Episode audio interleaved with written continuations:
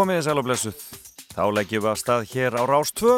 Ég heiti Felix Bergsson og þetta er þátturinn fram og tilbaka. Verð með ykkur hér allt fram til tíu frétta.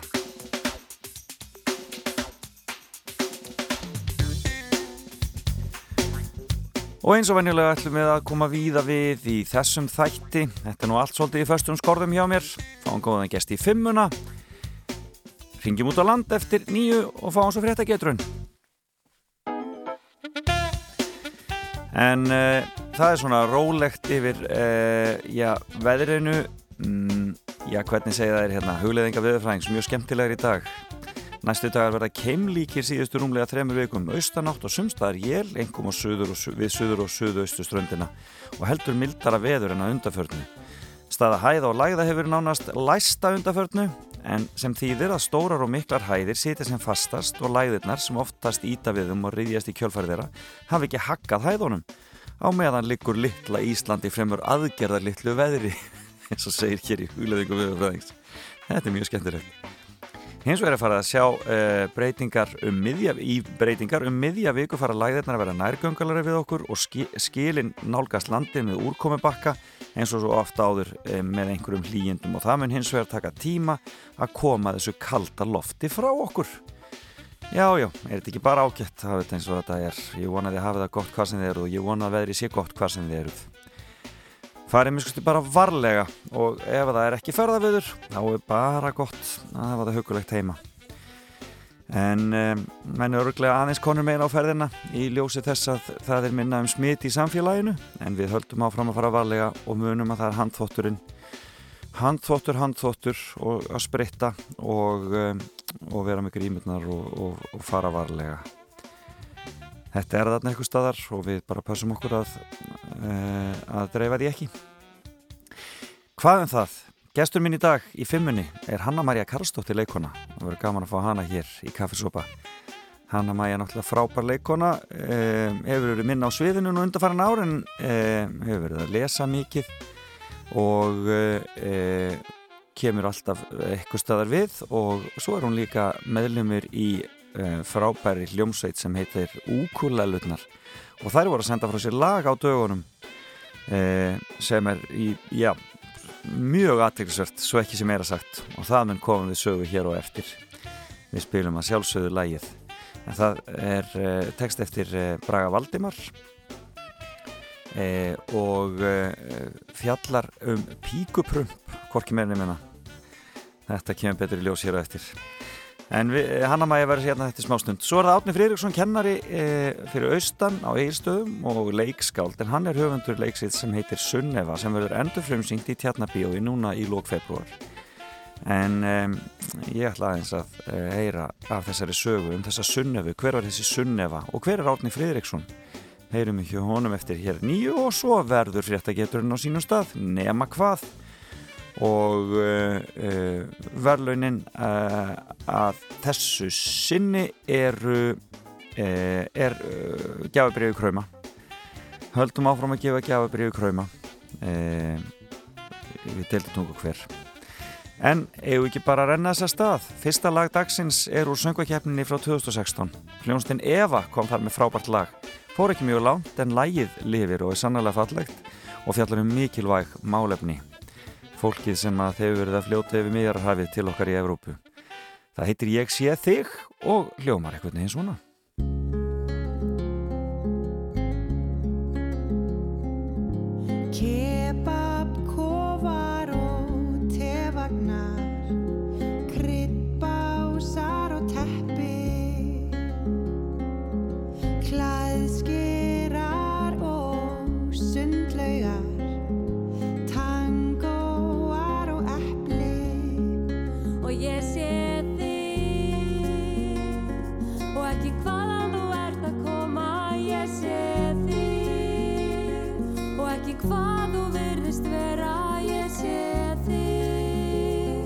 og ég veit hvað ég þarf að gera. Ég sé þig og það sem gerir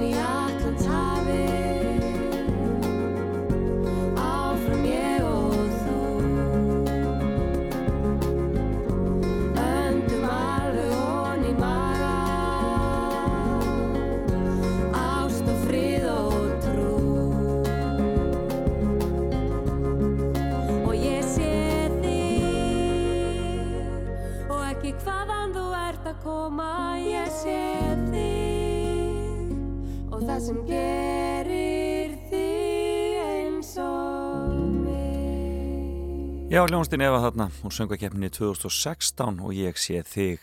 Það eru ímislög sem koma við sögu í söngvakefni en það fyrir að líða því að Hanna-Maria Karlsdóttir leikona setist hér hjá mér og við förum í gegnum fimmuna hennar. Heyrum Valgeir fyrst og svo er það Hanna-Maja Eins og allur almenningur veit vex ástinn á trján Engin vandan á henni bara maður stendur á tánum. Sumir bukt og beigja sig, aðri rey og sveigja sig og einstakka finnst best að byggja kona Njánum, ástinn vex á trjánum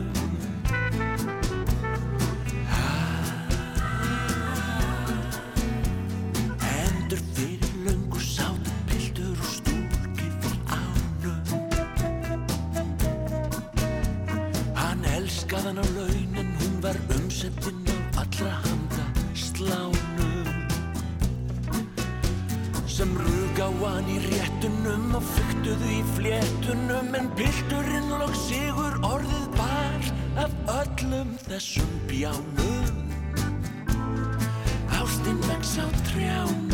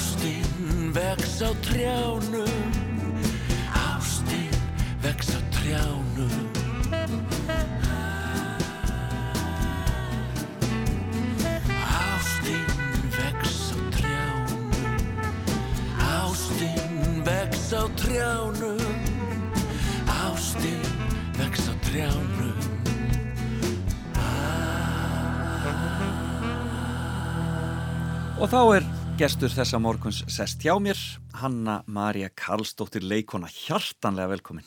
Takk Felix. Þetta er nú staðið til hjá mig lengi að fá því hérna til mín í, í kaffesopan. Aha. Já, bara, nefnum bara langa svo lengi að það reykjur þig karnin þar. Sjá hvað fimmu þú kefur með.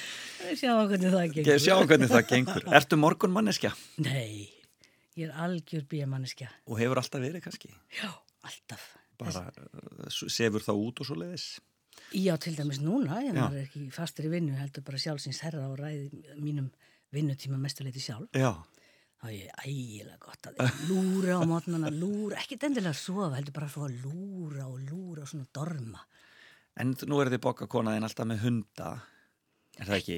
Já, ekki í augnablikinu. Ekki í augnablikinu? Nei. Nei. En það hefur ekki reikið að staði gegnum tíðina að fara út að ganga með hundin snemma morguns? Nei, nei. Það hef ég alltaf gert svona, já, nokkurn veginn sjálfviljug. Já. Hundur er oft reyjum út. en þeir eru ekki með hundi í augnablikinu? Ekki í augnablikinu, nei. Það er svona. Eh, en fimmaðín er skemmtileg. Hún er, eh, eru lönd eða staðir sem þú hefur búið þá. Mm Og þar kennir nú aldeilis margar grasa. En þú ert, eh, svona bara til að byrja með, þú ert úr, úr af suðunisjónum upprönnilega. Jú, jú, fættu alveg upp í Suri Keflaug. Stoltur keflingingur. Ekki, það er ekki reikininsbær hjá þér. Nei, og verður aldrei. ekki að ræða ert eins og Rúni Jú. Já, nákvæmlega. Já, bara haldið fast í þetta. Já, já, já, já. Bara gamla góða kef. En hvað er fyrsta land á listanum þínum, fimmunni þinni? Fyrsta land á listanum, uh, það eru bandaríkin vegna þess að þar bjó ég í, í rúmlega þrjú ár. Það er uh, langur tími. Já, já, ég var í góðri vinnu. Ég, ég var að vinna fyrir Íslenska sendiráðið í Washington. Þar var ég engaritari. Á þeim tímum voru fjóri starfsmenn í Íslenska sendiráðin í Washington. Það var sendiherran, sendifulltrúin og, og tveir rittarar. Og þú varst annar þeirra. Ég var annað þeirra. Og hvað, þetta er bara hérna í kringum tvítusaldurinn sem þú varst þarna úti? Já, hvað? ég, hvað 21 á stegi fyrir út. Og hvað er það sem að verður til þess að, að þú endar þar í þessu starfi? Án að fara komin á engamálinn. nei, nei, það er, ég átti kærasta. Já. Hann datt ofan á mig þegar við vorum að leika heim í skrúkarinn, við vorum 13 ára, hann datt ofan á mig Já. og við erum kærasta par. Já, ok.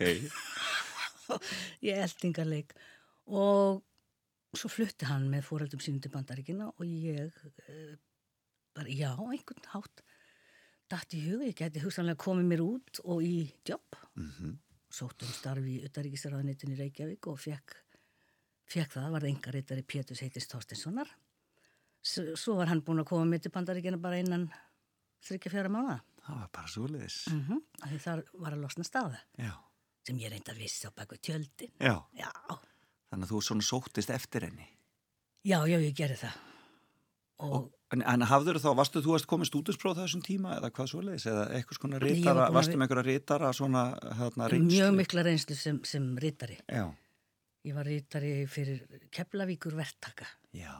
sem voru litli verktakar, miklu minn en íslenskir aðalverktakar. Nei, já. Ég En voru að vinna þá fyrir herin heilmikið eða hvað? Jú, jú, jú, Já. jú, jú.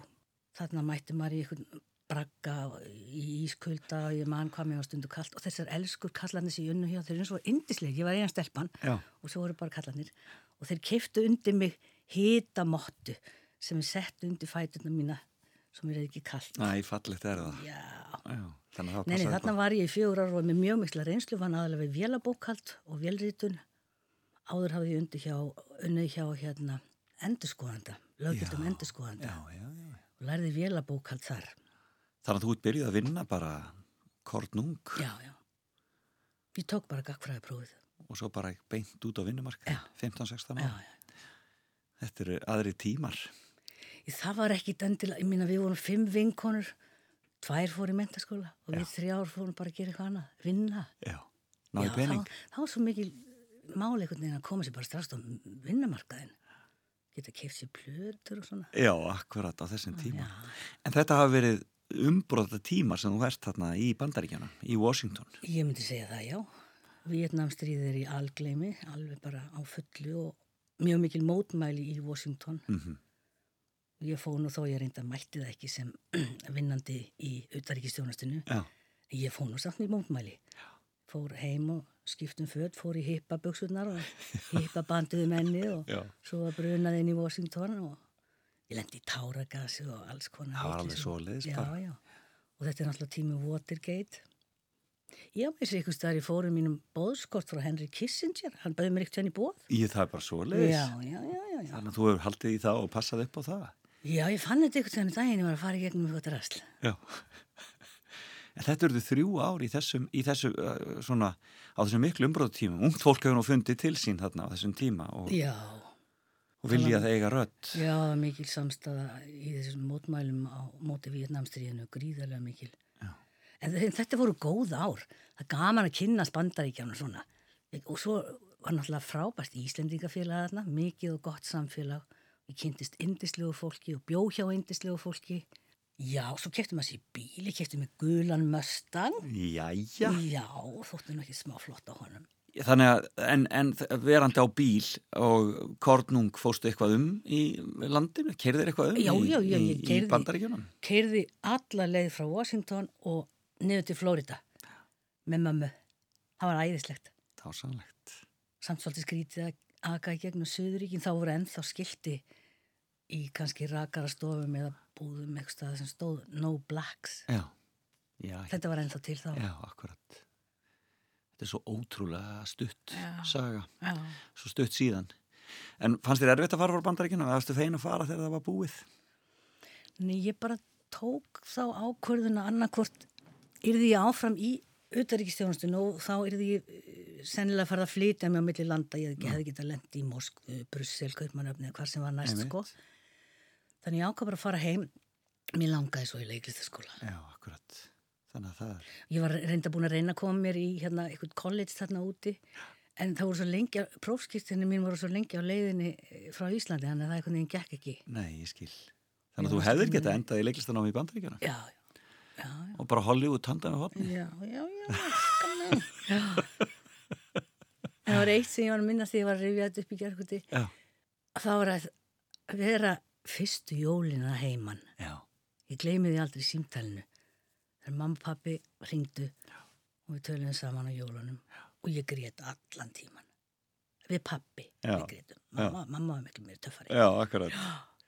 Það hefur verið er bara þetta vera fyrstu jólina heiman. heimþráin alveg Já. að drepa þig. bara. En ég skrifaði sendibrif Felix í hverju einustu viku öll þrjú árin. Og ef það kom ekki bref, þá var mamma og pappi búin að ringja. Já, Bara, er ekki alltaf lægi skagan? Það var bara svo leis. Já. Og er þessi bref til? Ég fann þau undan því. En skemmtilegt. Þetta er svona bunki, þetta er svona 12-15 cm bunki. Og hvernig kemur uh, uh, 21 ás og 22 ára Hanna Maja þér fyrir sjónir? Afskaplega einföld manneskja. og ekki frá miklu að segja og, og ekki góð frásagna gáfan. Jésús minn. Það er ömulegustu sendibrif sem ég sé. Elsku mamma, ég fór út og fekk með þúb í hátinn. Já, þetta er alveg þar bara. Já, Nei, alveg það, það er allt, allt sem ég gerði. já en skemmt. Nei, ekki allt. Ekki allt. Nei. Nei, Þarna fór ég í strykið. ekki allt.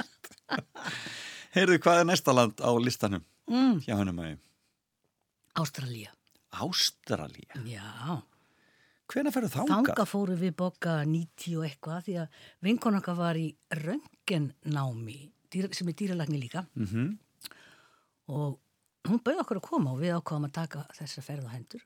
Hún er 24 tíma leiðinni, sáum ekki dúr alla leiðina. Mér minnum að við höfum hort á mistu bín eða allan tíma. Já, akkurat. Og svo daginn eftir við komum til Sydney þá fórum við í óperuhúsið á eitthvað söngleik eftir Stephen Sondheim sem ég man ekki nafnið á því miður. En ég var svo þreytt að ég steinsopnaði. En húsið þarna er dásamlegt. Og daginn eftir fór ég þegar eitthvað badnakór var að, á æfingu og bara heyra hljómburinn í Já, þessu húsi. stórkostlegt hús. Æðislegt. Stórkostlegt hús. Æðislegt. Og ferðuðist þá um eitthvað í Ástralíu? Já, og svo ferðuðust við tölvöld mikið um. Við byrjum á því að fara upp til Alice Springs Mm -hmm. Og svo fórum við í ferðalag í gegnum Eðimörkina, í svona 10-12 manna hópi, keðum upp til Ayers Rock, við sáum hann aldrei. Það kom rigning nefnilega í fyrsta skipti í þrjú ár Já, og hitin átti að vera 22 gráður en hann fór nýri 4 gráður og við sáum í tjöldum. já, mitt. Þannig að maður ætti bara að kaupa sér lópapeysur og síðbuksur og Það er bara svo leis. Þannig að þetta getur orðið svona í Ástralíu líka. Já, já, já, já. Og hann var svo skemmtilegu bílstjórun okkar og gætin, hann var indislegur. Hann var bílstjóri, gæt og kokkur. Já. Og hann var með svona kjöt, kótilettur, svona 5-6 kíló stykki aftan í bílum sem vanalega bara þiðnað á leiðinni sko á, á áfangastað. Mm En svo þegar hann fór að taka þetta út úr bílum þá var bara klumpurinn bara gatt freðin. Hann bara kveikti eld og setti klumpin á eldin og svo var hann að plokka einu og eina kótilettu í svona 45 mínútur eða meira, veist, ein, bara til elda og hann bakaði brauð yfir eldi. Já. Þetta var mjög skemmtilegu maður. Til dæmis þegar hún En var þetta ætt svona? Já, já, beint úr- já, Beint úr, ma- beint úr ma- fristinum? maður nú ekki bræða á þessu en, brauðið var gott sem hann bakaði yfir eldinum og hann var mjög skemmtilegur sem maður til dæmis, hann sendi okkur öll út úr bílnum rétt ára við komum þar sem við áttum að gista að við þurftum að elda matinn á, á bara spreki já, já.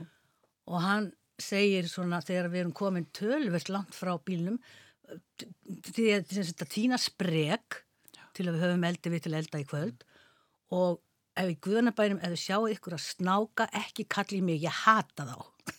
Og þá kom hann og þyrst bara allir inn í bílinn aftur. Hann hefur verið stríðinn. Já, Já. Sagt, já þarna skoðum við margt mjög merkilegt, við fórum í Eyers Rock, og ég segi sem ég sást aldrei, svo fórum við í kletta sem heita The Olgas og að síðustu á stað sem heitir Kings Canyon. Og þar eru svakalega háir klettar og eða fjöll og ég er, svo, ég er ekki loftrætt Nei. þannig ég skreið á maganum alveg fram á brúnina. Mér langaði svo að sjá niður. Og þetta var alveg stál svona allavega 100 metrar. Já, rúmlega velgóð Hallgrímskirkja allavega. Og þegar það sem ég ligg þarna þá kemur þýskur ferðamaður sem er með okkur í hópnum aftan að mér og hann grýpur um öklan á mér og liftir mér upp og ég held að þetta sé nú sennilega mesta sjokk sem ég noktið að fengi í lífinu og ég náttúrulega rak upp gól sem hefur verið eitthvað ómennst Já. og stökk á fætur og ég, þarna hef ég líklega brunað út um mér eitthvað ljótust og vestu blótsyrðum sem til eru í enskri tungu þú er ekki kýlt viðkomandi. Nei, ég hefði náttúrulega átt að gera það, ég hefði að kýla hann kaldan. Já. En allir ferðarfélagarnir stóðu með mér Já. og talaði engin við það sem eftir var ferðarinnar. Svona Það gerir maður ekki. Þýskur lögfræðinemi. Svona gerir maður ekki, Félis. Nei, Nei. Nei. Þetta er ljótasti grikkur sem mér hefur verið gerður. Já, hérna hér. Já. Þetta er rosalegt. En þið hafið semst ferðast þarna aðeins um og, og séð heil mikið og þetta er náttúrulega mögnuð náttúra þarna í Ástralíu. Já, hún er stórkostlega. og Þetta er bara svo ofbúslega stórt land. Allt innanlandsflugið okkar voru svona fimm tímar. Já, akkurat. þetta er bara endalust. Já, þetta er endarist land. Stórkostlegt land. Og svo fórum við til Fiji og Hawaii og Los Angeles og til London og heim. Þetta var svona, við fengum tvo sólaringa á Fiji. Já. Því við fórum yfir tímalínu. Akkurat. Þannig að allt í hennu vant okkur einu nótt í viðbót á hotellinu. Fiji eru rosa krúttarlegar. Já, gaman að koma þangað. Já, leigubýstur sem kom og sátt okkur út á flugull, hann segi, can I please have some money for gasoline? hann átti ekki fyrir bensínis, elsku kall, keir okkur á hotellinu. Já, akkurat. Það er betra að fá, fá smá pening. Já, Það rettast hérna ég var að fara til Dubai. endilega. Það er þriðjaland. Dubai, þangað var mér búið á kvikmyndaháttíð á samt Valdísi Óskarsdóttur Ok. með sveitabrúköp. Var stór góðu kvikmynd og e, það var náttúrulega flóið á fyrsta, fyrsta hérna klassa með Emirates, Já. allt í bóði háttíðarinnar og limosínur og tók á mót okkur og fórum með okkur á svakalega flott hótel. Það sem voru bara vasskanalar út um allt og við keirðum í svona vasstrætóm til að komast í herbyggja okkur og komast í þetta og, hérna. og það var svo gaman að vera með Valdísi vegna þess að þegar fólk var svo að satna saman kvikmynda innáðurinn var þarna allur það þekktu allir Valdísi Akkurat. Klipparinn. Klipparinn sem allir þekkja. já þekkt hana svo margir leikstjórar og klipparar frá öðrum löndum þannig að hún var alveg bara heimsfæði þarna Hvaða ári sveitabrúkup frumsýnd? Manstu þetta? nei, mann aldrei ártöl Nei, ég hætti 2000 og eitthvað. 2000 og eitthvað, já Já, 2005, 6 Já, eitthvað svo leiðis. eitthvað svoleiðis. Já. já, Og þarna, og gekk mjög vel, mjög skemmtileg svona uh, road movie. Gekk mikið á. já, já, já, já, já, já, já, já, horfða á hann um daginn, þetta er allt í lagi með hana. Já, akkurat. En bara að koma til Dubai, sko, þarna var verið að byggja hæsta turn í heimi þá og við vorum náttúrulega í veistlum upp hvert einasta kvöld Já. með flæðandi áfengi, þú veist, áfengi bannaði í þessu landi Einmitt. og, sín, og svo settu þeir upp arabatjöld bara á hvítri ströndinni og svo náttúrulega allt teppalagt og flæðandi matur og vín dásamlegt allt saman Já. Arabískir hestar ríða fram og tilbaka, síningar og svo einn daginn, ákváðum við heyrðum ekki að koma okkur aðeins út úr þessum lúksuspakka tókum bara venjulegan leigubíl og fórum nýri bæ á Já. venjulegan markað Já. og þar hitti maður þetta venjulega fólk sko, ég held að sko þeir sem búa í Dubai og eru sem sagt eh, þeirrar, hvað, með, með vegabyrði frá Dubai, það er bara cirka svona 10-12% af þjóðinni. Já, Restin er bara að þjóna þeim. akkurat. Og leigubýstjón sem keirði okkur nýri bæ, hann spurði hvað við værum, Æsland. Ó, ég var að keira, ég var að keira eið smára Guðjónsson síðustu viku. Já, svona er heimuðin lítir. Já, þeir voru alltaf þarna mikið, þeir eru mikið fótballtamennir. að niður eftir. náttúrulega, já. Á þessar eigur sem, Já. sem eru þarna bara byggðar. En er þetta ekki svolítið tilbúið land? Jú, jú, þetta er tilbúið. Þetta þetta er svolítið, svolítið, svolítið eins og kvikmynda, vera bara á kvikmyndasetti. Í kvikmynd. Það. En þetta var svakalegt, minna herbyggi sem við fengum, það var hvað svona 70-80 fermetrar, Já. rúmið var örgulega þrýr sinu þrýr, styrtuklefin hefði tekið 6, 7, 8 manns í einu, sturt, ekkert mál. Bara bjóða, bjóða nokkrum í styrtu með Það, bara. já, já, og svo náttúrulega þetta verslunamál þarna sem að skýða, skýðabrekkan er innan dýra. Einmitt þessi, já, akkurat. Já, þessi fræga. Þeir settu, já, settu skíðabrekku inn í, Já, já, inn í málið. já, já, skýðabrekka bara. Svo bara, Verðin í verslunamistu til að kaupa þið sokka og getur fyrir að skýða. þú lektir skíði og farið skíði í leiðinu. Þetta er alveg makalust. Já, já, Þannig að, þarna fóstu og, og, og naust lífsins í kvikmyndastjörnu, í kvikmyndastjörnu lífinu. já, já, það var alveg saman hvert að fara alltaf komið lim og sínutnar og sótt okkur og þetta var gaman. Dásamlegt. Heyrðu við skulum taka okkur smá pásu Já, og áður en við heyrum af setni tveimur áfangastöðunum og jafnvel fleirum sínist mér af, af blaðinu þínu að dæma en þarna, um, mér langar að rifja upp uh, lagið úr Gretti það er alltaf svo skemmtilegt að rifja það upp þessi alsjáandi sem sér í gegnum Holt á hæðir. hvað Já. heitir hún aftur í, í það gullauga, gullauga sýstir Grettis. Rifjum Þetta er það, eitt af mínum frægu atriðum. dásamlegt. Gegnum holt og hæðir horfi ég og sé það sem var í þá tíð og það sem á að ske. Ég heyri hornar rattir hvísla fornan seið og gengi gegnum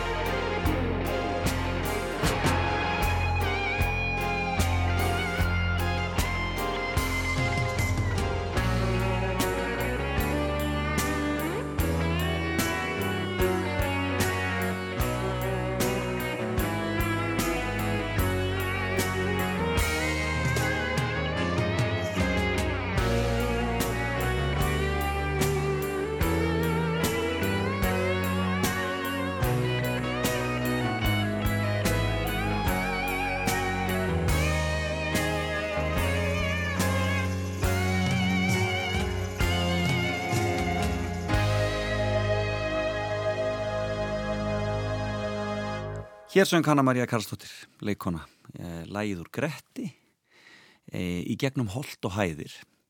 og Egil áttu nú að sjálfur eftir að syngja þetta síðar bara á, með þursafloknum, er það ekki rétt hjá mér hana Maja?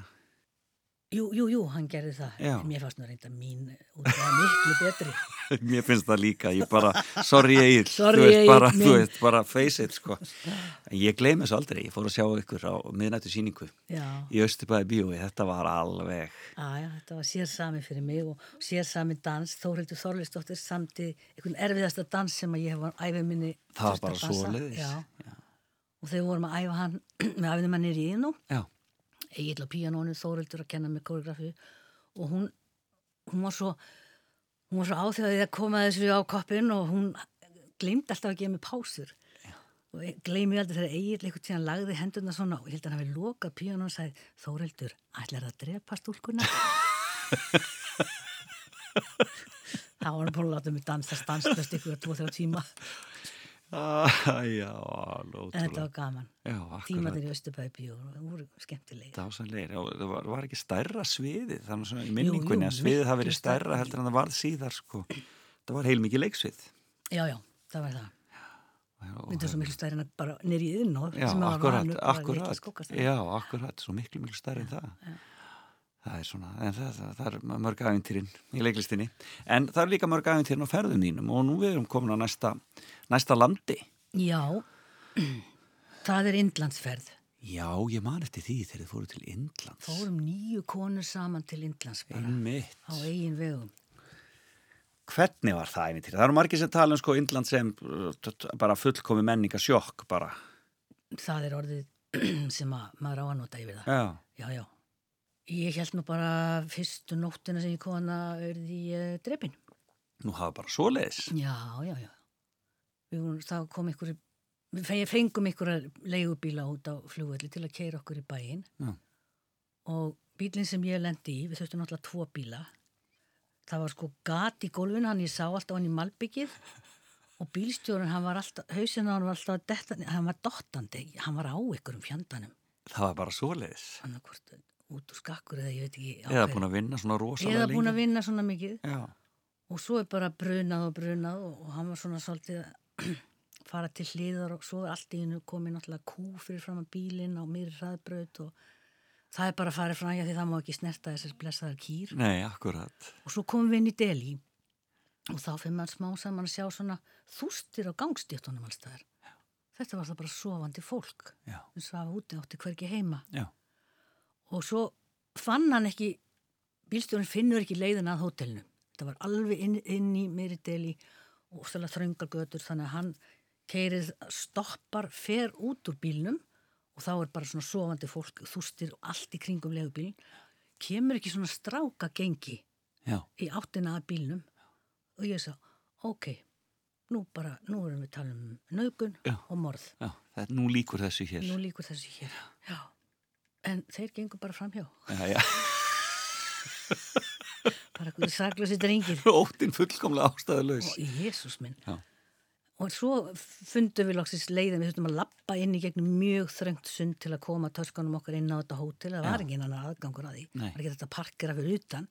Þetta er bara að lappa daginn eftir þegar við vöknum komum út í þessi þröngu port.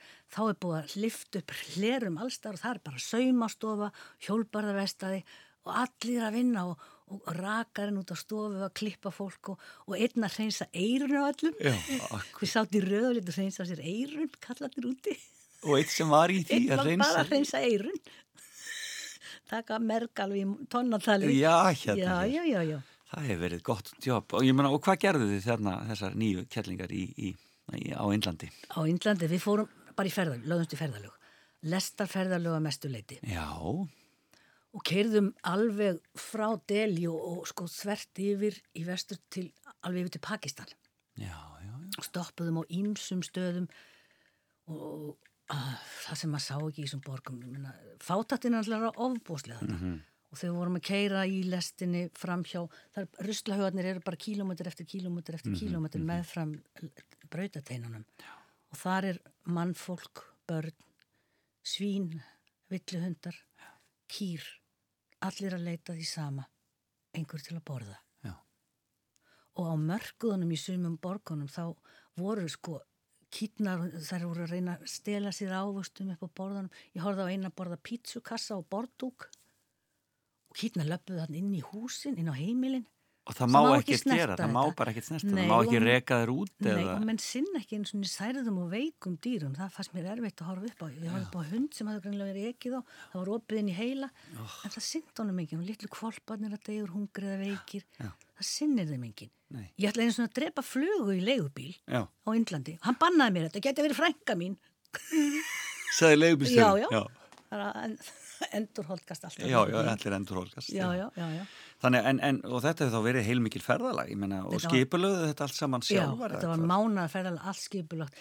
Ég svo heppin eiga ástralska vinkonur sem að kunna þetta. Já, skipulöðu þetta algjörlega og eins og lendum við félist það áður ég vissi um við lendum í vegan bæ það sem var ekki hægt að fá egg og ekki mjólk já, það er, og þeir keirðu sérstaklega að það fór einn af skellinöður í næsta þorp til að ná í egg og mjólk fyrir okkur já, sem gesti. En það var bara ekki hægt að fá nei, þetta. nei. Og Indland umgáður, allir abatnir, Jésús minn.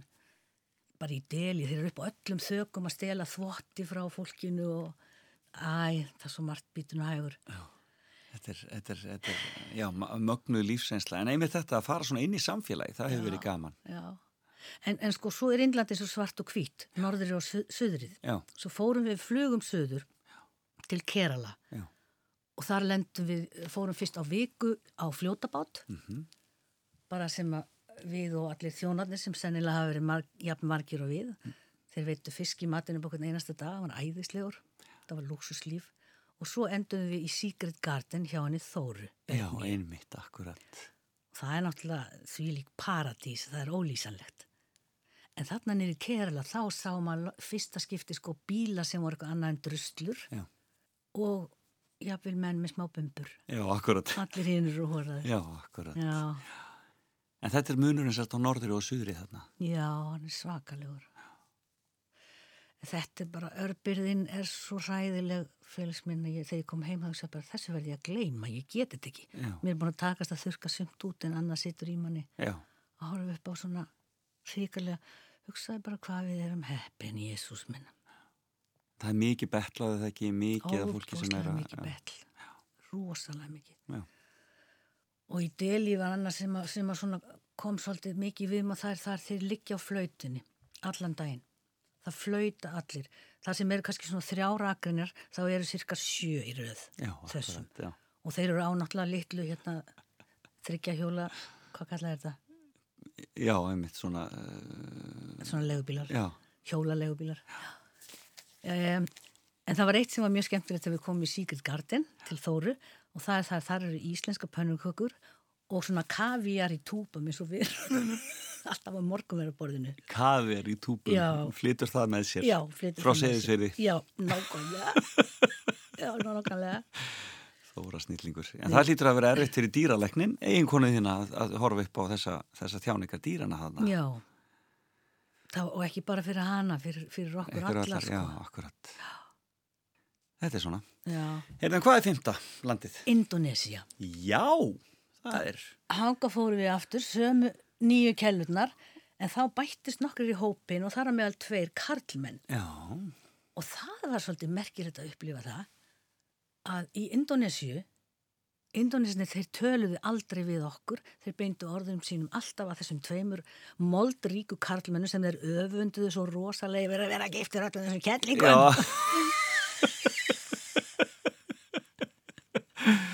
Og hvaða menn voru þetta? Voru þetta ykkur íslendingar? Annar íslenskur hinn norskur. Já, Já, já, já. Og þetta var, við, ég sko skammast mín að segja frá því Felix, en þarna fór ég 14 sinnum upp í flugvél já, í Malasíu og Indonesíu. einmitt á milli 14 staða. sinnum. Og ég var að rifja upp staðina. Við byrjuðum í Georgetown í Malasíu og við fórum á Jöfu, Jogakarta, Banjar Masin, Bangalan og Borneo Já. sem ég fannst einna merkilegast.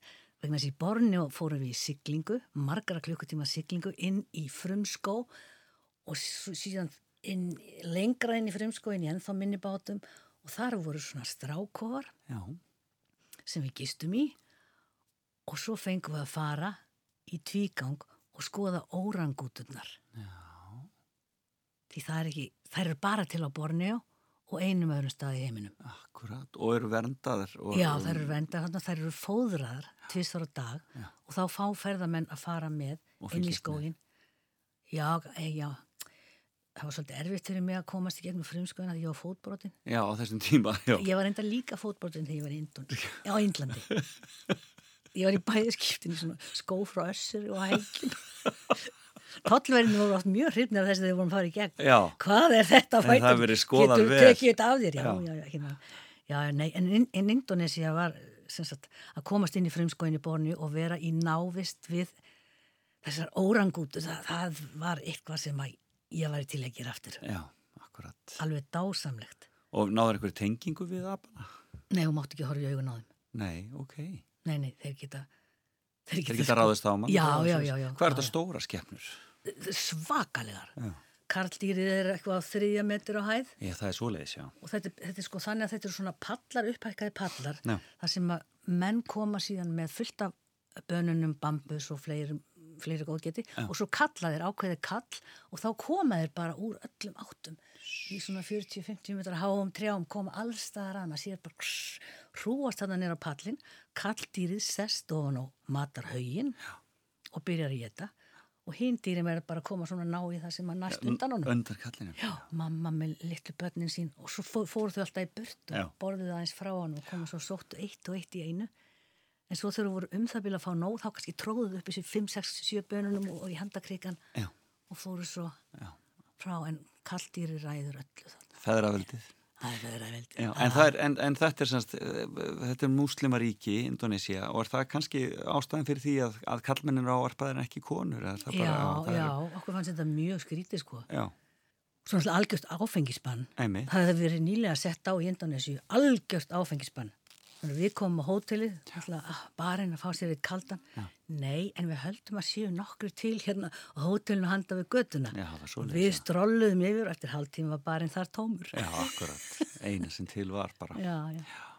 En að sjálfsögðu náðum við bara í eitthvað góðan yfirþjón sem var ekki lengi að redda okkur smá bjóra svörtum. Já, akkurat. Það er allt hægt. Allt, til, allt er til. Já. Og, og, en en þessar, þessi ferðalög, er þetta bara, he- hefur alltaf verið svona, haldin svona mikill útþrá, finnst gaman að, fara og sjá öðruvísi staði.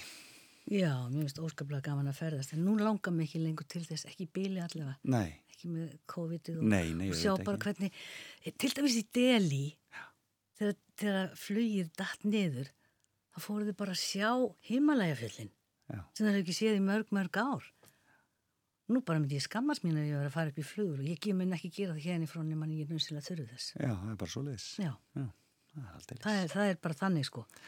En það, já, það sem var líka svo merkilegt við Indonésiu að þeir töluðu bara við kallmenna var það að Mary, þessi ástralski mannfræðingur sem að skipulaði nú megnið að þessu, hún talar indonesisku Já, já, já. og þá eru þau nú stundum klumsa þegar hún Já. opnaði munnin já. og þá svona gáttu þeir aðeins aðeins tala við veitt en þetta. Heyrðu, er skemmtilegt. Hvað, þú ert með tvo aðra staði svona alveg, svona Já, bara svona bara til þess að svona- bæta, bæta svona svona, svona kissuberðun á kökuna. Við vorum eins og í golfferði, ég hef nú ekki gert mikið að því, til Kæró Já. með Arnari Þórildi, Bjössa og Hrefnu og Randver Já. En skemmtilegt. og við, ég uppgötaði þann daginn þegar handbólta landslið okkar var að við vorum á sama hótel og þeir Já, já. þegar ég opnaði gluggan um morgunum það bara píramítar, wow, þeir eru svona 200-300 metri burtu, geggjað það var náttúrulega æðislegt en já, já, maður skemmtilegt þar, við leiðum bara golfsett nema síðasta daginn þegar við fórum einhvern annan golf og ég leiði með golfsett og svo tekið upp fyrstu kilvuna það var eitthvað skrítinn á bógin eða eitthvað. Svo tekið upp næstu kilvu, það var hún haustlaus það var bara priki, það var bara handfangið. Já, en ég sló ekki mikið nei, handfangið ekki með því leiða golfsetti. Nei. En það allra skemmtilegast ég gerði þessi kær og var þegar við fórum að, að sjá tosku. Já, Við ákvæmum að fara að sjá óperu. Og auðvitað fórum við á egypsku söfninu og sáum múmiurnar og allt það, það er ástand, en toska toppaði allt. Bet, hvernig þá? Það er þannig að við kaupum okkur miðan tosku og mætum þarna og þá er Arnar Randver og Bjössi fengu ekki að fara inn, þeir voru ekki nóg fínt klættir. Ok. Við vorum í ykkur um sumarkjóla druslum og alveg jafn púkalegar og þeir en Já. okkur var hleyft inn Þannig að við erum þér þarna, svo byrjar Toska að syngja utan sviðs og við þórildu við bara svo lítum svona hver á aðra, oh my god, hvað, í hverju erum við lendar. Já, Svo kemur, hvað heit hann, Kavaradossi eða ekki, elskuðin, hann er ungur, flottur, elsku í. flottur- Já, já, elskuði, já, ungur, kemur þessi elskæn á sviðið, svona 30-40 kílóm of þung og 20 kílóm og göm, 20 árum Of já. gömur Já. og náði aldrei háutónunum þannig alltaf þegar hún þurfti að fara upp á háa þá lyfti hún sér upp á tá Já, Til að hjálpa hérna til. hér, já. og svo kannt hún úr söguna þetta með allt með lauruglufórin sem svíkur hann á að dreipur hann og, og þannig að hún er að fara að kasta sér fram að brunni í restina Já, einmitt. þá var hún svolítið styrð þessi elska þannig að hún hún núna leggst nýra á fjóra fætur og skrýður svona og, og dettur svona rólega Æ, þetta var svo mikið skemmtum við erum svo mikla pöttur við þólöldu við já að þið hlógum. ykkur konunglega. Já, já, hún skemmt okkur innilega, þessi elska. Já, sem söng tosku þarna. Já, við mjög góður. Og svo er eitt sem var merkilegt í Kæró og það eru byggingarnir þeirra. Þeir klára þeir aldrei. Já. Steipustyrsta játnin þeir standa upp úr næstum öllum byggingu þarna vegna þess að ef þú ert ekki búin að klára þá þarfst ekki að byrja að bóka fastegnirjöld. Akkurat, Já. vitað. Já, Það er alltaf, alltaf eitthvað, eitthvað, eitthvað, eitthvað smáaleitur eitthvað staðar. já, já, alltaf eitthvað sem þú getur fundið út til þess að þau eru ekki að borga. Já, akkurat. Heyrðu en, það tíminn er flógin frá okkur. Í alveg. Svona líka, þú tala svo mikið. Ég sem ætlaði að segja frá Tyrklandi. Já, og það, Sol og Hjölla og Gunnu Ö og Gilla og nei, nei, það hefur verið dásanlegt. Það hefur verið dásanlegt. Mikið og góður, gott, gott kompani.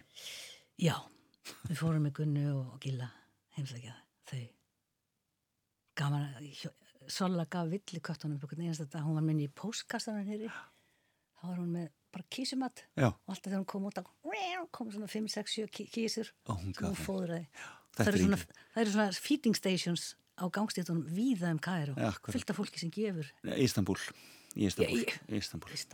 Ég var ennþá í já, þú ert þarna að tala um Ingi Borgar Sólúnu Gísladóttur og, og, og Guðrún Ögmundsdóttur. ertu ekki búin að slaka mikrofónu? Þeirra góða einmenn, nei, ekki svo sannarlega ekki. Heyrðu, en að lokum. Það er þessi stórkostlega hljómsveit sem þú ert í dag. Úkulellurnar Úkulellurnar. Já, Það er nú aldeilis félagskapurinn. Er þetta ekki skemmtilegt? Þetta er eitt af skemmtilegasta sem ég hef gert bara í mína daga. Hvað eru þið margar? Við erum tólf. Og spilið allar á úkuleli eða? Nei, einn spilar á trommur og hristur Já, og svo er einn sem spilar á ramas úkuleli bassa einmitt. en það eru tvær aðrar búin að eignast bassa þannig að það gæti orðið bara alltaf um, Um bassaleikarastöðuna. Bassaleikarastöðuna. Skemmtilegt. Já, já, já. Og þetta er sérst lag sem að hún Helga Margrét, Marcelíusadóttir, sem er hvað stjórnandinn hún ykkar? er stjórnandi, hún sko kórstjórni hins einn kórsins Já, og er eina af meðlimur Nei, nei, í- hún ræður ekki öll í úkulelum. nei, nei, hún bara ræður meðlimur. bara í kórnum. Já, akkurat, hún bara stjórnar Það er kórnum. mjög mikil jöfnuður Já. í úkulelum. En hún samtir lagið við texta eftir uh, Braga Valdimar og hvernig kom þessi texti til? Sko, ég eiginlega kann ekki sögun alveg nógu vel. Nei. Mér skilst að það var einhver kona Já, sem fannst allt í einu þetta orð píkuperump. já, vera bara ekki mjög fallegt og spyrði, er ekki einhver sem getur sko, fundið ykkur fallegri orði yfir þetta já, og Bræði Valdimar náttúrulega bara fór á flug og þetta er stórkostlegu texti og lægið er æðislegt ég held að þetta verði hittari ekki spurning. Við skulum hlusta á lagið með úkulelunum um píkuprumpið. Hanna María Karlsdóttir, mikið var gaman að sjá þig kæra þakki fyrir kominu fram og Takk tilbaka. Felix minn og fyrirgeðu bladrið í mér Þetta er bara dásan. Klofsöngur og skapa skull Skuða kvinur láfu köll Tussu pískur barma brak Buttu ljóð og vísu kvak Pikachu og rifur raun Rjáfur góla baul Kúsu gjálfur kloppa flaut Korpjása og tóna skaut Neði bæjar dyrrindi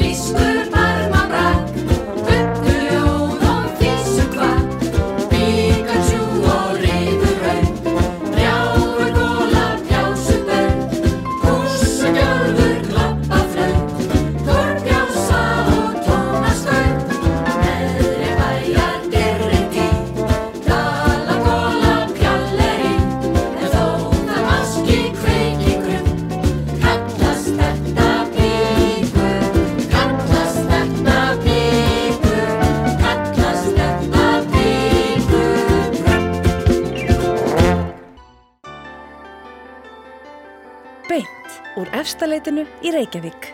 Fram og tilbaka á Rástfö. Já, þeir eru sannlega að hlusta á fram og tilbaka og Hanna-Maria Karlsdóttir farin á braut, við heyrðum lagið um píkuprumpið og nú fer að líða að nýju fréttum og hér eftir nýju þá ætlum við að ringja austur og eigirstaði, heyra af henni Sunnefu og þeirri sögu og svo ætlum við auðvitað að fara í fréttageturinn. En tökum okkur smá pásum, heyrumst aftur eftir smástund.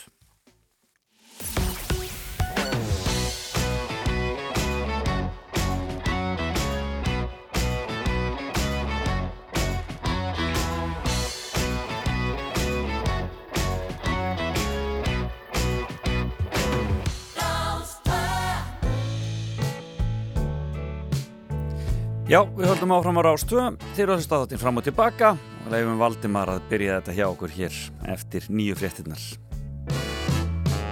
Þú varst mér eitt og allt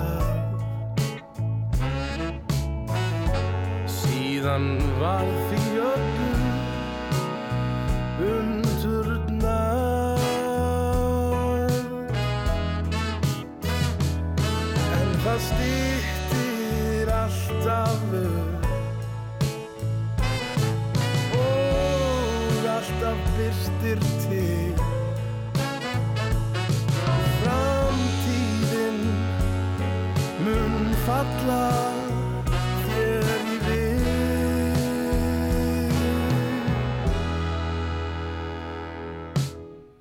Ég gengdi ósögð orð sem voru ætluð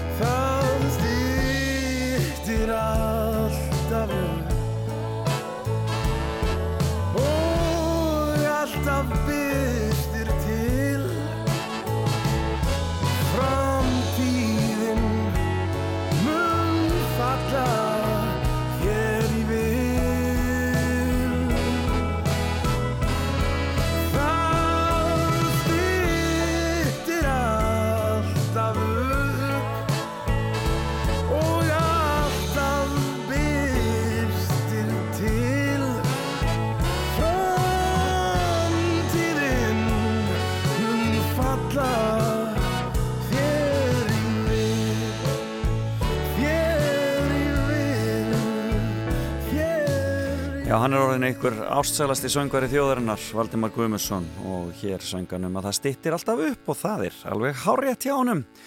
Við treystum sannlega á það. En ég hef verið að spila lögin sem er að detta inn í Eurovision þessa dagana og uh, hef svona verið aðeins að skoða lögin sem er að keppa til dæmis í um, Litáen og uh, Noregi, spilum Ísraelska læði hér líka í síðustu viku. Frakkarnir, þeir ákváðu sitt lag í vikunni og eigum ekki að endilega heyra það, hún heitir Barbara Pravi sem að syngur lægi, sem heitir bara einfallega Voila. Og þetta er nú bara franst eins og það gerist best.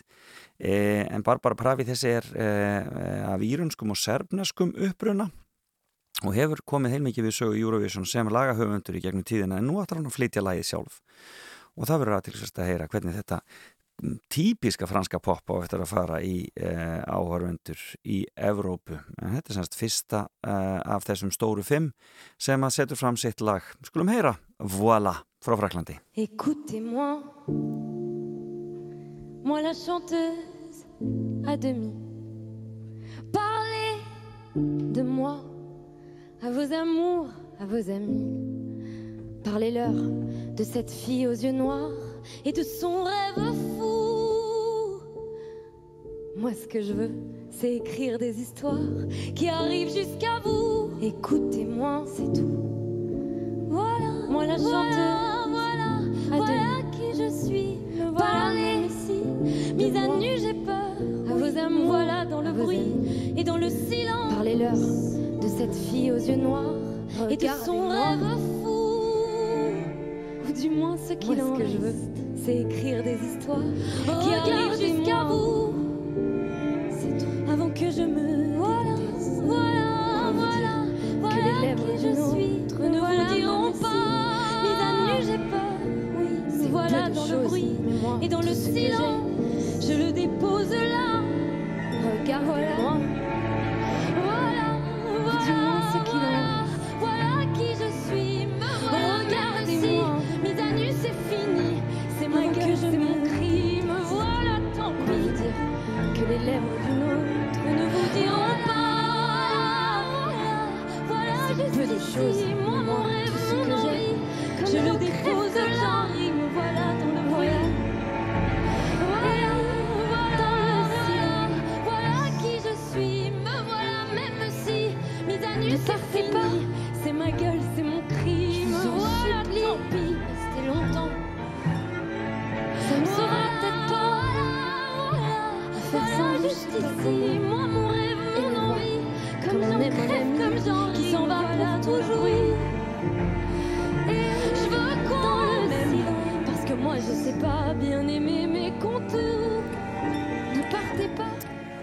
Þetta hljómar einhvern veginn ekki eins og þetta ég vera svona, einhver vittlis að þarna, um, eitthvað vittlis fætlinn sem ég fengi sendan, en þetta er sem sagt, eða það heyrðist nú þarna vel hvernig þetta lag hljómar, þetta er lag Fraklands í Eurovision, Voila, heitir það einfallega og uh, verður aðtilst að sjá hvernig, eins og ég segi, Evrópa tekur þessu. En við ætlum að fara að ringja hér austur á land eftir smá stund uh, á Egilstaði, heyri Jónum Átna Fríðriksinni sem að uh, er leikskáld þar og kennari og skrifaði leikritum hann Sunnefu sem að verður frumsýnt í Tjarnabíói hér e, síðar í mánuðinum. Og ég ætla að spyrja hann að því hver hún þessi hafi verið þessi Sunnefa en fáum einn ásker trösta og svo heyrum við í árna.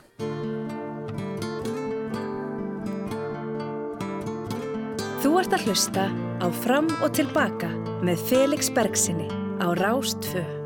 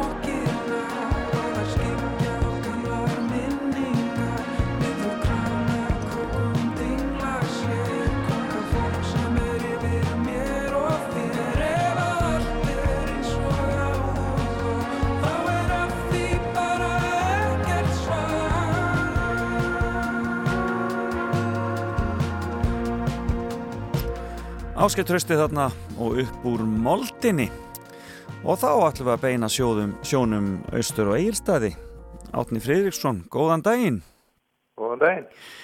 eh, Kennari og leikskáld þarna fyrir austan, hvernig er veðri hjá okkur í augnablikjuna? Vorum við ekki alltaf að byrja að spyrja á því? Jú, það er bara ljómandi gott. Já, Frostmark, mikil snjór. já Búið að vera mikið vetraríki hjá okkur í vetur Já, ekki vetur, nei. Nei. Bara síðustu, kannski tvær aukur. Já, akkurat, akkurat Já, það var alveg, já, það var, var alveg bara rigningar og, og, og, og skriður og allt það sem að var Já. hérna fyrir hlutan það er eins og það er En, Æ, þetta er búið að vera mjög mildur, mildur vetur. Já, akkurat Heyrðu en þið, já eins og alltaf á eilstöðum já, ertu búin að búa þarna lengi, ertu búin að vera lengi fyrir austan Ég er ekki búin að vera hérna í sjö ár. Já, og kennir við mennskólum eilstöðum eða hvað Já. og hvernig, hvernig kemur samfélagið þér fyrir sjónir á eilstöðum Eh, Það er, eh, þetta er bara mjög eh, vinalegt samfélag sko. Þið var mjög fljótur að komast hérna inn í, inn í samfélagið Já, og hérna já, barnmænt og, og hérna, já, þetta er, ég vil líður bara mjög vel hérna. já, gott að búa gott að heyra. En það er þessi saga um Sunnefu, þið frumsýndu í september leikrit í leikstjórn e, Þórs Túlinjus e, leikrit eftir þig e, um þessa konu sem að ég hef ekki heyrt um áður, Sunnefu Jónsdóttur. Hvaða saga er þetta? Já, sko, uh, Sunneva Jónsdóttir ég var frá Geitavík í Bo- á Borgarfrið Eistri Já, og þetta er semst 18. aldar saga í rauninni, hún 1739 þegar hún er 16 ára þá eignast hún barn. E, og eftir einhverju daga yfirherslu játur hún að, að faði barsin sín bróðir hennars sem er, er þá 14 ára og þau eru þá færð til síslumanns eh, á skriðuklustri í Fljótsdal þar sem þau eru eh, dæmt til dauða. Hún til drekkingar og, og, og það var hálfsökva hann. E, og tveimur árum setna eignast hún síðan annan barn. Og síslumadurinn uh, heldur því fram að, að þau eigi það líka sískinin en, en Sunnu var sem sagt segir að síslumadur eigi barni og uh, úrverður í rauninni 18-19 ára dómsmál sem að í rauninni leysist aldrei. Já, þetta er alvöru drama. Þetta er, hún er, hefur verið kjörku þessi kona að standa upp gegn, e, gegn kvalara sínum uh, Já, nákvæmlega. Og, og, og, og þetta er, þetta er tvíleikur, þetta er tvær konur sem leika Tinna Sverrisdóttir og Margret Kristín Siguradóttir sem margist ekki sem fabúlu. Og hvernig er þetta svona söguleikus eða er þetta, hvernig, hvernig nálgist í söguna? Hvernig er, hvernig er hvernig segja þessa sögu? Þær eru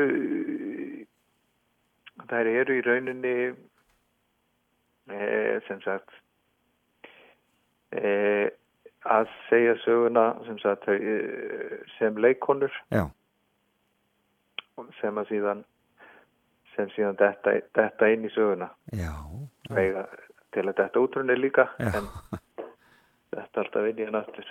Og, og sem sagt tinna leikur sunnefu á, meðan að Margrét Kristín eh, leikur hinn og þessi hlutverk og það hlýtur þá náttúrulega einhver músík að koma þar við sögu líka þekkjandi, Margréti Kristínu. Nákvæmlega. Frábært en þið, frábært. En þið frumsýndu semst fyrir austan í september en, en stefni nú á að koma með sýninguna til Reykjavíkur. Já, uh, og það verður þá bara núna í lók februar eða hvað? Já 20. og 7. er stend á. Já, 7. februar já, það er aðeins senka, það átti að vera 10. oktober einmitt en náðu þið að leika hana svolítið fyrir austan eða áður en að allt lokaði eða hvernig var það já, það náðist alveg að, að, að, að leika eins, eins og átti sko já, var frumsýnd 19. september og, og sem sagt var sínt tvær helgar og, og vikun á milli skólasýningar og gekk mjög vel. Það er svona nánast uppselt á allir sýningar. Frábært. Gaman að heyra. E, þú, þi, þi, þinn ferið sem leikskáld, þú hefur verið að skrifa áður þú hefur verið að skrifa fyrir hugleikar það ekki? Jú, ég hef uh, skrifað tölvöld mikið af svona stuttverkum Já. fyrir, fyrir hugleik. Uh, ég er ekki alveg af þeim, Nei. það eru mörg. Já. Svo hérna skrifaði ég, já, já rási eitt var með örhljóðverka keppni í tilumni að 400 ára árti William Shakespeare. Já, einmitt. 2016, Shakespeare á 5 mínútum. Og ég skrifaði þar og, og, og vann. Já. Hva, hvað, það er verk sem heitir Svívirt, hvað, já, Hvað það var sem sagt byggt, byggt á, á uh, uh, The Rape of Lucrece. Já, já, já, já, einmitt. uh, sem að, já ég held að það aldrei verið þýttur á íslensku Nei, akkurat. Spennandi. Já, frábært. Að það, og það, það gefst sem sagt tími til skrifta með, með kennslunni? Já, svona ekki eins mikið og maður myndi vilja Nei, akkurat. Svona er það. en ég, hérna já, ég kenni nú aðlega ennsku en er, er að kenna hérna leikriturinn námskeið í, mars Já. þannig að vonandi næði kannski að nýta mér það Já, akkurat. En þú ætlar að koma söður og sjá endur frumsýninguna hér í Reykjavík? já, sjálfsögðu Frábært. Það verður spennandi og ég hvet fólk bara til að fara inn á uh, vef Tjarnabí og svo finna sér miða þar. Þetta er spennandi saga og uh, uh, talar öruglega vel inn í nútíman og það sem við höfum verið að ræða undafæri, til dæmis Me Too og annað slíkt. já, uh, hún gerir það alveg på þetta Frábært. Ég bara óska til hamingi með þetta svona fyrirfram og uh, hlakka mikið til að sjá ykkur í Tjarnabíói. Uh, takk fyrir spjallið, Átni Friðriksson, Já, eh, takk, takk. takk fyrir, bless, bless. bless Já, þannig hljómaði það. Sunnefa í Tjarnabíói í lok februar.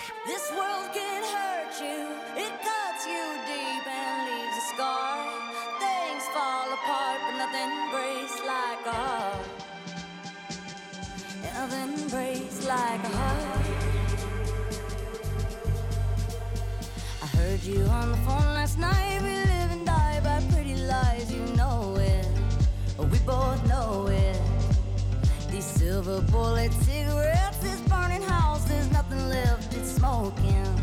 But We both know it. We got all night to fall in love, but just like that we fall apart. We're broken, we're broken. Mm, nothing, nothing, nothing gonna save us now. With this broken silence, by thunder crashing in the dark, crash in the dark. And this broken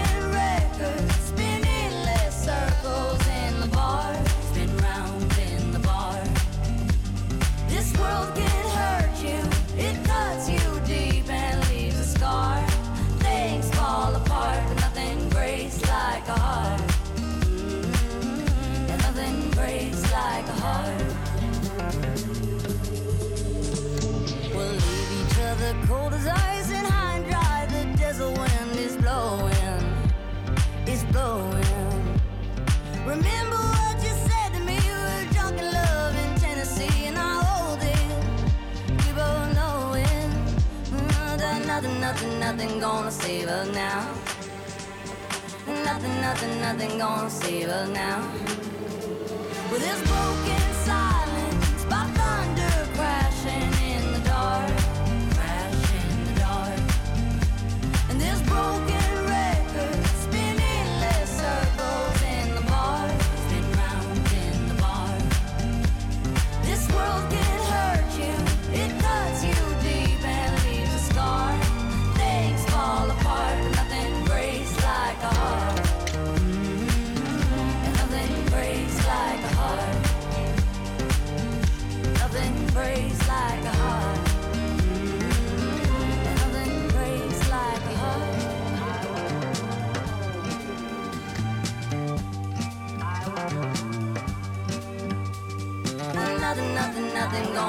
her now.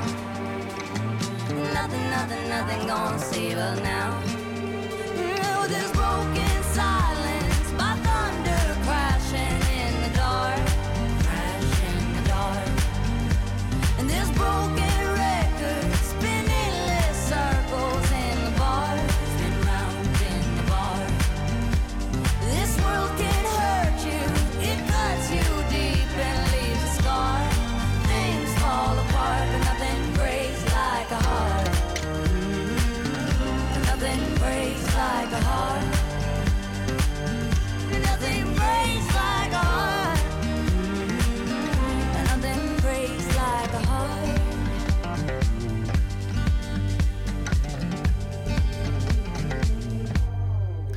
Miley Cyrus þarna og Mark Ronson og Nothing Breaks Like a Heart. Og um, hér þetta smá stund þá ætlum við að skella okkur í fréttagetrun.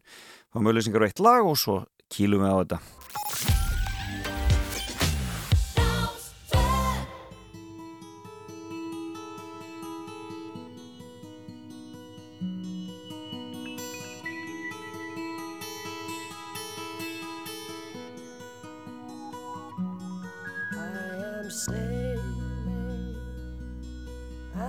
Sailing home again, across the sea.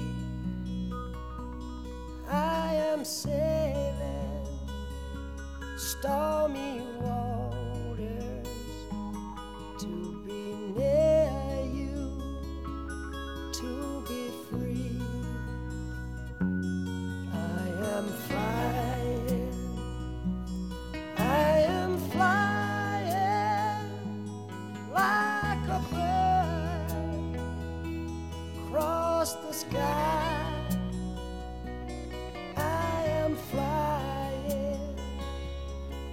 In high clouds to be near you, to be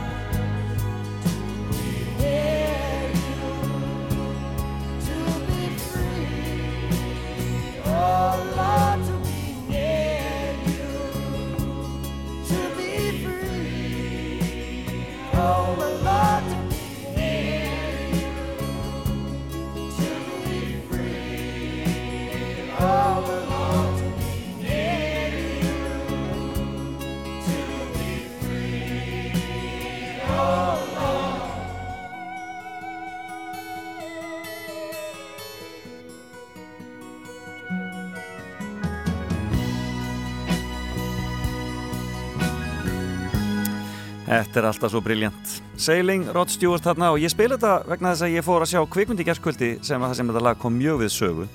Hún heiti Sumarið 85 og er eina af fjölmörgum myndum sem er á frönskum kvikmyndadögum sem að fara fram þessa dagana í Bíóparadís og er hægt að mæla eindreið með frábær kvikmyndarn á ferðinni og mér sýnist fullt af flottum myndum í bóði, bæði í Bíóparadís og á netinu.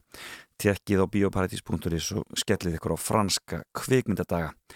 En þá er það fréttageturinn. Og síminn 5687123, 5687123, þið getið byrjað að ringja núna.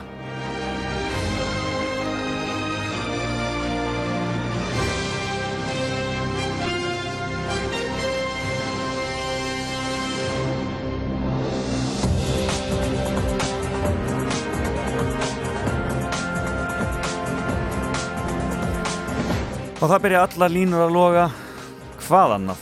Ég get alltaf treyst á ykkur kæru hlustendur. En það eru krakkarnir í getur betur liði tækniskólans og Átni Freyr Magnússon sem að setja þetta saman fyrir okkur. Þau er náttúrulega fulla undirbúa sig í áttalegðu úslitum. Getur betur, þetta er þessi frábæri krakkar og þau ætla að hjálpa okkur hérna með geturunina í dag. Þannig að við byrjum hér bara á línu 5. Góðan daginn! Góðan dag, hvaðan er þú að ringja? Ég ringi yfir á Ísafjörði. Já, ertu eitthvað starf á ferðinni? Já, já. Er ekki... Ég er bara að vinna. Já, einmitt. Er snjóþungi hjá okkur? Ha? Er snjóþungi hjá okkur? Nei, nei, nei. Nei? Það er svona bara rétt grasvillir. Nú, hvað er þetta? Heyrðu, en þú fylgist með fréttunum? Já, svona, eitthvað liti. Heyrðu, við skulum byrja á þessu hér. Í vikunni lést öldungurinn sem sapnaði miljörðum fyrir brest heilbríðiskerfi með því að ganga hundra hringi í kringum húsi sitt. Eh, hann lést úr COVID, þessi eh, gamli maður. En hvað hétt maðurinn? Manstu það? Þá segir ég pass. Það segir pass. ok, en takk fyrir að ringja. Já, bless, bless. Bless, bless, vestur, bless. Nei, hann var ekki með það. Góðan dag. Góðan daginn. Heyrur í mér? Ég, þú ert í, sko, ég heyri mér í útvarpinu en þú heyrir þú í mér í símanum. Halló? Ná, þetta var ekki, nei, nei. Góðan daginn. Já, góð dag. Sæl og blessaður. Veistu hvað hann heitir þessi gamli maður, hétt þessi gamli maður sem að fekk, hérna, fekk, eh, var gerður að sör? Ég heyrði ekki spurninguna, sko. Já, þetta var sá, þessi, að, sá, þessi gamli sem að varð, uh, hérna, varð 100 ára gamall sem að sapnaði miljörðum fyrir brest heilbriðiskerfi með því að ganga 100 ringi kringum húsi sitt í Bedford skýri í Bröllandi. Manstu hvað hann heitir? Eða hétt? Hann hétt Tom Moore. Alveg hárétt hjá þér. Hárétt hjá þér og ótrúlega sorglegt að hann skildi falla fyrir þessum ömulega sjúkdómi. En svona er þetta. Heyrðu, e, þú ert komið eitt rétt, hvað er þetta að ringja? Ég er að syngja Kostandi Lagranis. Já, þið erum miskustið með ströndina, það er alveg á hreinu, sko. Já, já. Heyrðu, ég spyr hér. Sundlög á landsbyðinni mun aðeins leipa 80 fullornum í laugina núna um helgina og býst því við laungum röðum, því þetta er ákvæmlega vinsæl sundlög. Hvar er þessi sundlög? Hvar er vinsæl sundlaug á landsbyðinni? Já, sem ætla bara að hleypa 80 fullornum í laugina í einu. Fyrsta vinsæla lögin sem er þetta er Akureyri þá. Það er hár rétt hjá þér, það er á Akureyri. Þegar lögreglan gerði eitthvað ratjóðsendur við fjöldan í pottunum og þetta var við niðurstan að bara hleypa færi inn. Já, Heyrðu, nú er spurning hvort þú bara tekur þetta hér. E, be, be, be, be. Við skulum heyra þessa spurningu og sjá hvort þú veist þetta. En í vikunni var hart sótt að John Kerry ráðgjafa fósetta bandarækjana í lofslagsmálum í tengslu með ferð sína til Íslands 2019. En hvers vegna voru republikanarnir að sækja svona hart að John Kerry? Í tengslu með þessa ferð. nú, Þú nú veist manni, ég, hef ekki séð þetta. Þú er ekki séð þetta? Þú skjóta? Ekki Það er til. svona hart sótt af hann. Já. Skjóttu nú. Nei, ég hef það ekki. Þú hefur það ekki. Heyrðu kæra þakki fyrir að ringja. Já, takk fyrir. bless. Já, þá byrjum við upp á nýtt. Góðan daginn. Já, góðan dag. Góðan dag. Veist þú hversna sótt er að John Kerry? Við varum ekki að segja, fóð með enga þóttu til Íslands til að taka móti viðkynning til lofslagsmálum. Þetta, maður, þetta, maður, maður hnautum þetta á sínu tíma þegar hann kom hérna á enga þóttunni til þess að þykja þetta. Það er smá svona þessarni í þessu. Dalti spes. Heyrðu, hvaðan er þú að ringja? Ég er í Reykjavík. Þú ert í Reykjavík og ert með þetta allt á hreinu. Þetta allavega. Þetta minnst kosti. Heyrðu, í vikunni voru nokkrir handteknir fyrir að reyna að breyta Hollywood-skiltinu. Ég veit ekki hvort þú sást þessa frétt. En veistu hvernig átt að breyta skil skiltinu? Nei, þessa, þetta fram, farið fram með mér. Þetta Það alveg breytt nokkur sinnum, sko. Já. Uh, þannig að þú, þú ert bara ekki með þetta? Nei, ekki þessa, nei. Nei, heyrðu, ok, takk fyrir að ringja. Já, hvað ætlaði fólki að gera? Góðan dag. Er þetta svo samhæltur sem að heyrur í mér hann í símanum? Ég er já. Já, veistu hvernig þið er ætlaði að breyta Hollywood-skiltinu? Í vikunni? Nei, ég hef ekki heilt þessa fyrir þetta. Nei, akkurat. Heyrðu, já, já, tímiður. Takk fyrir að ringja.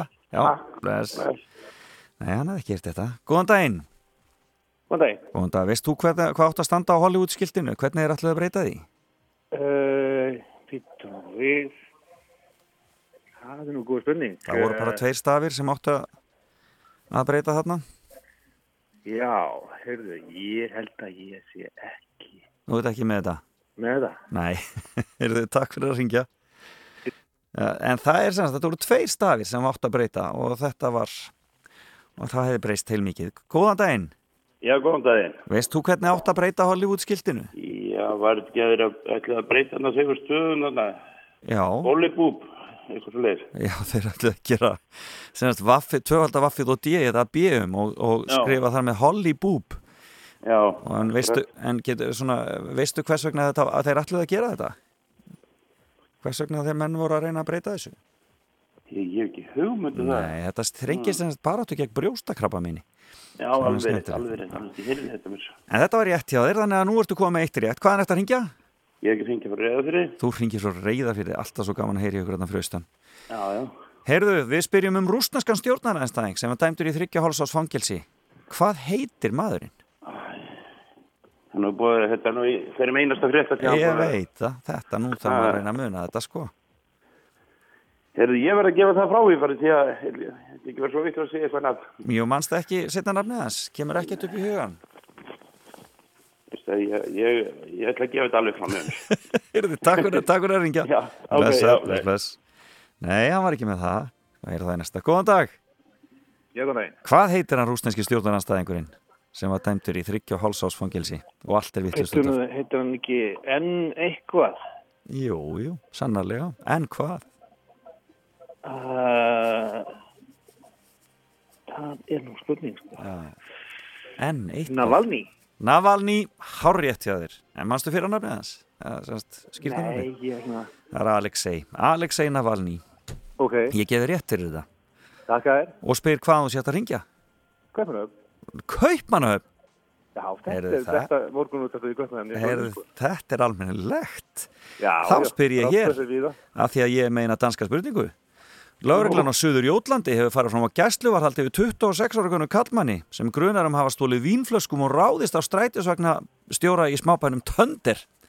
Danska láreglan saði mannin vera frá Íslandi en nú er komið í ljós að svo var ekki. Hvaðan var maður? Já. Ég, ég er nú ekki búin að fylgjast með þessu. Ég vissi að þessum fréttum um þessu Íslandinga. Já, Á gíska frá Grönlandi. ég hann og er ekki íslenskur. Þannig að hvaðan var hann? Hmm. Það er nokkuð frá færi. Nei, það er ekki Nei. frá færum En vel var Ok. skotið Heyrðu, takk fyrir að ringja, beðið heilsa til köpun Takk, bless, bless Þetta er ekki að koma í okkur Góðan daginn Góðan daginn. Veist þú hvaðan maðurinn var sem þeir handtóku og held að Já, var hún sé Íslandingur? betur fyrir ekki frá Íslandi, Já. en hann var frá Sviss, eða ekki? Nei, hann var Ha? ekki frá Sviss Nei, ekki samkvæmt Það minni frétt með skusti Nú, Nei En þú ert mjög heit. Heyrðu, heyrðu, takk fyrir að ringja já, Hann ég er svolítið hissa á þessu. Já, já, takk já, fyrir. ég skal bara tjekka á þessu aftur Já, En þetta takk. Takk, bless Nei, þetta er ekki þannig Góðan daginn Góðan daginn. Veist þú hvaðan þessi maður var? Var ekki sænskur? Hann var sænskur Hann var bara hár rétt hjá þér Samkvæmt við skusti fréttin á rúf Þannig að ég fer eftir því Heyrðu, hvaðan er þú að ringja? Grinda sig. Þú ert á blöndósi, það var gaman. Já, gaman að heyra í blöndósingum alltaf. Heyru þá spyr ég, í vikunni frumsýndi Íslensk hljómsveit tónlistamindband við lægið Break My Baby en myndbandið tekið upp við erfiðar aðstæður á þrýdröngum. Hvaða hljómsveit var þetta? Það hef ekki grænum grunn, var ekki Kali og ekki eitthvað. Það er bara hárið til þér. Það var Kaljó. Ok. Þú ert alveg með þetta. Þannig að þú hefur alveg heilmikinn grunn greinilega. Ég á eina spurningu eftir. Þannig að nú reynir á þig. Hvort þú nærða að klára þetta, annars bara verður þetta ganga fram í næstu viku. Í vikunni var framið valdarán í Asíuríki. Hvaða ríki var það? Við það var ekki hérna Myanmar. Eða hvað? Já, nú er spurning. Hvað er þitt loka svar?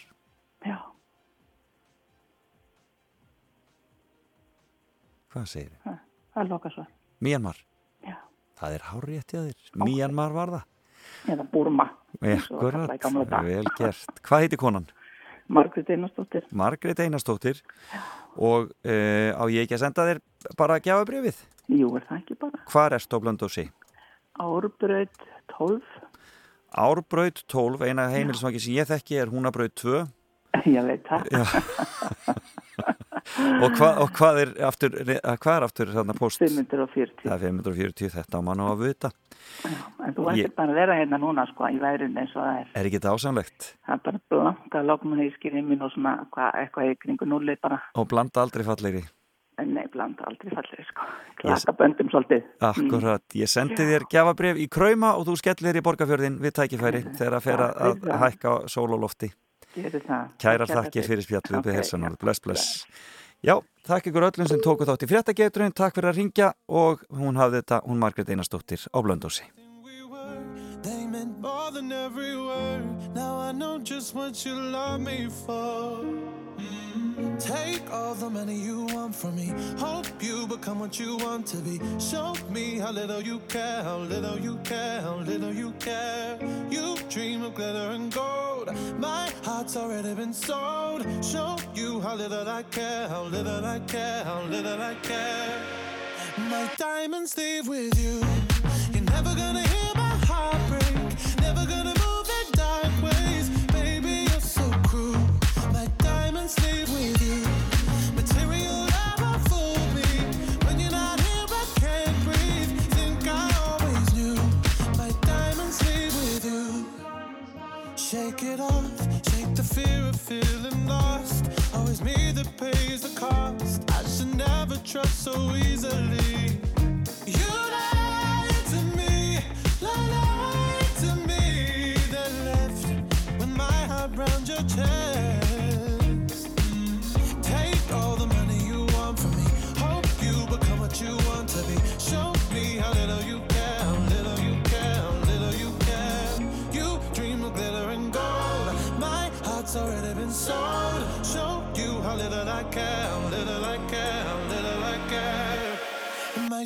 Sleep with you.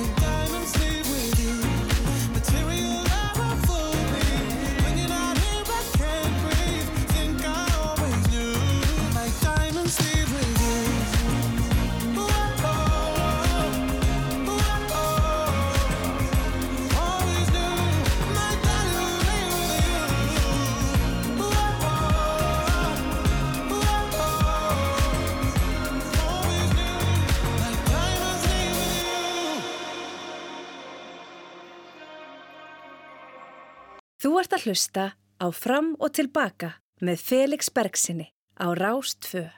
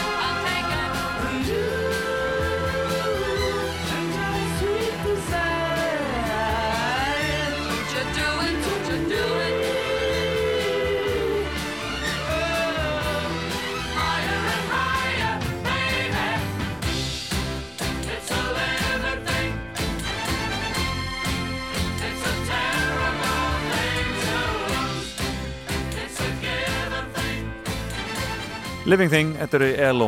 En gestur minn í dag var uh, Hanna-Maria Karlsdóttir og mér fór allt í hún að langa svo til að rifja upp gamlan góðan skets úr Rúlend og Lindóf þar sem að Hanna-Maria fer á kostum. Mér. Þetta er menning og list í skefniferði, þetta er Jónas Jónasson þarna og Gísli Rúnar og Hanna-Maria Karlsdóttir. Við skulum heyra þennan skets. Það má með sannig segja að menningin hafi haldið innreið sína í Skeppnufjörð þegar þau hjón fluttust þangað. Nú væri gaman að heyra svona í stuttumáli hvað þið eru helst að fást við í sambandi við menning og listir um þessa myndi. Já, ég er formaður Leos klúpsins. Já, það er nefnilega það. Og Kalvanís klúpsins. Ha. Og Bróteri klúpsins. Og Union Campans klúpsins. Svo er ég formaður í Bræðrafélagi kirkjunar. Meðhjálpar í kirkjunni. Auk þess sem ég spila orgelið þegar það er frostlaust. Já, já, þetta er nú aldeilis hérna. Já, þetta er nú svo sem ekki allt sem maður er að dútla svona í frístundum. Nú, nú. Nei, ég hef verið aldrei í því að skemmta ársatíðum og þorrablótum og tombólum. Svona með eftirhermum og gamavísum. Já, ég hef nú stundum... Já, Donna, hef, við komum stundum saman við Donna. Við erum með hljómsveit. Já, erum við mörgir hljómsveitinni? Já, ég spila á gítar, saxofón og harmoníku eitthvað sem ég syng. En, en, en, en, en Donna? Já, ég spila... Já, hún spilar á orgel og bassa og trommur. Eitthvað sem hún syngur bakrættir þegar hún er ekki að blása í fagottið. Já, það er bara svona, já. En, Og svo syng ég í kirkjukornum Ha? og kallakórnum og blandaðakórnum og hreppakórnum. Já. Svo er ég líka í samkór Union Kampans og Kalvanís. Já, auk þess sem er í saminnaði síslukórnum og fjórðungskórnum Já, takk fyrir. og landskórnum. Og svo hef ég lítilega eftir með samkór Skandinavíu. En ég er nú ekkert að telja þetta með endilega, þetta er svo sem ekkert.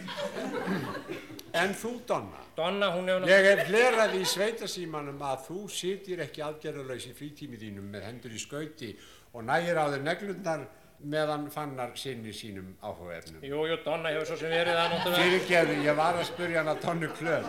Nú? Donna Klara, hvað segir þú? Er ekki fannar í öllu? Hvað? Viltu nokkuð vera að spyrja mig? Jú, Donna, ég... Já, það er svo sem ekkert merkilegt. Miða við fannar. Já, láttu ekki það, þú varst nú þarna í þarna, æ, hvað heitir það sem varst í eftir hana? Ætli þú eigir ekki við markaskrána. Já, það já. Ég er rítstjóri hennar. Æja, Og ég ekki svo sem sagt er eins og er Jónas minn að ég kann hvert einasta mark í síslunni. Hutt, átti ekkert mark á henni. Jæja, spurðu mig, spurðu mig. Já, hvað er markið hans Þorgis og Saurun, ha? Rífið aftan framann og slitið framann hægra. Enda heyri skefnan ekki neitt. Ég heyri víst. Jæja, eigum við að halda áfram með þig? Eigum við nokkuð að vera að því? Jú, jú, jú, jú. Segðu mér svolítið meira frá þínum störfum í, í list og öðru. Já, það er svo sem ekkert laununga mál. Hvað? Ég er í kaffinemnd kirkjunar, Já, er það? ritari fjárskilanemndar Já. og formaður kirkjukórsins, auk þess sem sumir segja ég sé aðaldri fjöður leikfélagsins. Það, já. Þú? Engan hef ég nú heyrt segja. Þetta er svo fyndið en við verum að láta þetta næja. Þetta var semst Hanna-Maria Karlsdóttir sem er þarna að fara á kostum með Úlend Úlend Doff en hún var gestur minn í fimmunni í morgun. Við ringdum líka austur á Egirstaði og heyrðum í Átna Freiriksinni leikskáldi og leikverkinu Sunnefu og svo réttagetun á sínum stað og velunin fóru á Blöndós. Þakk ykkur öllum fyrir að vera með mér í dag. Við heyrumst aftur eftir viku. Salka Sól tekur hér við eftir smástund. Bless, bless. Hríslast um mig Þegar ég sé þig Og ég brosi til þig Eigum við eitthvað Annað en hvort annað Sem skiptir máli. Á örlaga báli. Við eigum hvort annað. Eigum hvort annað að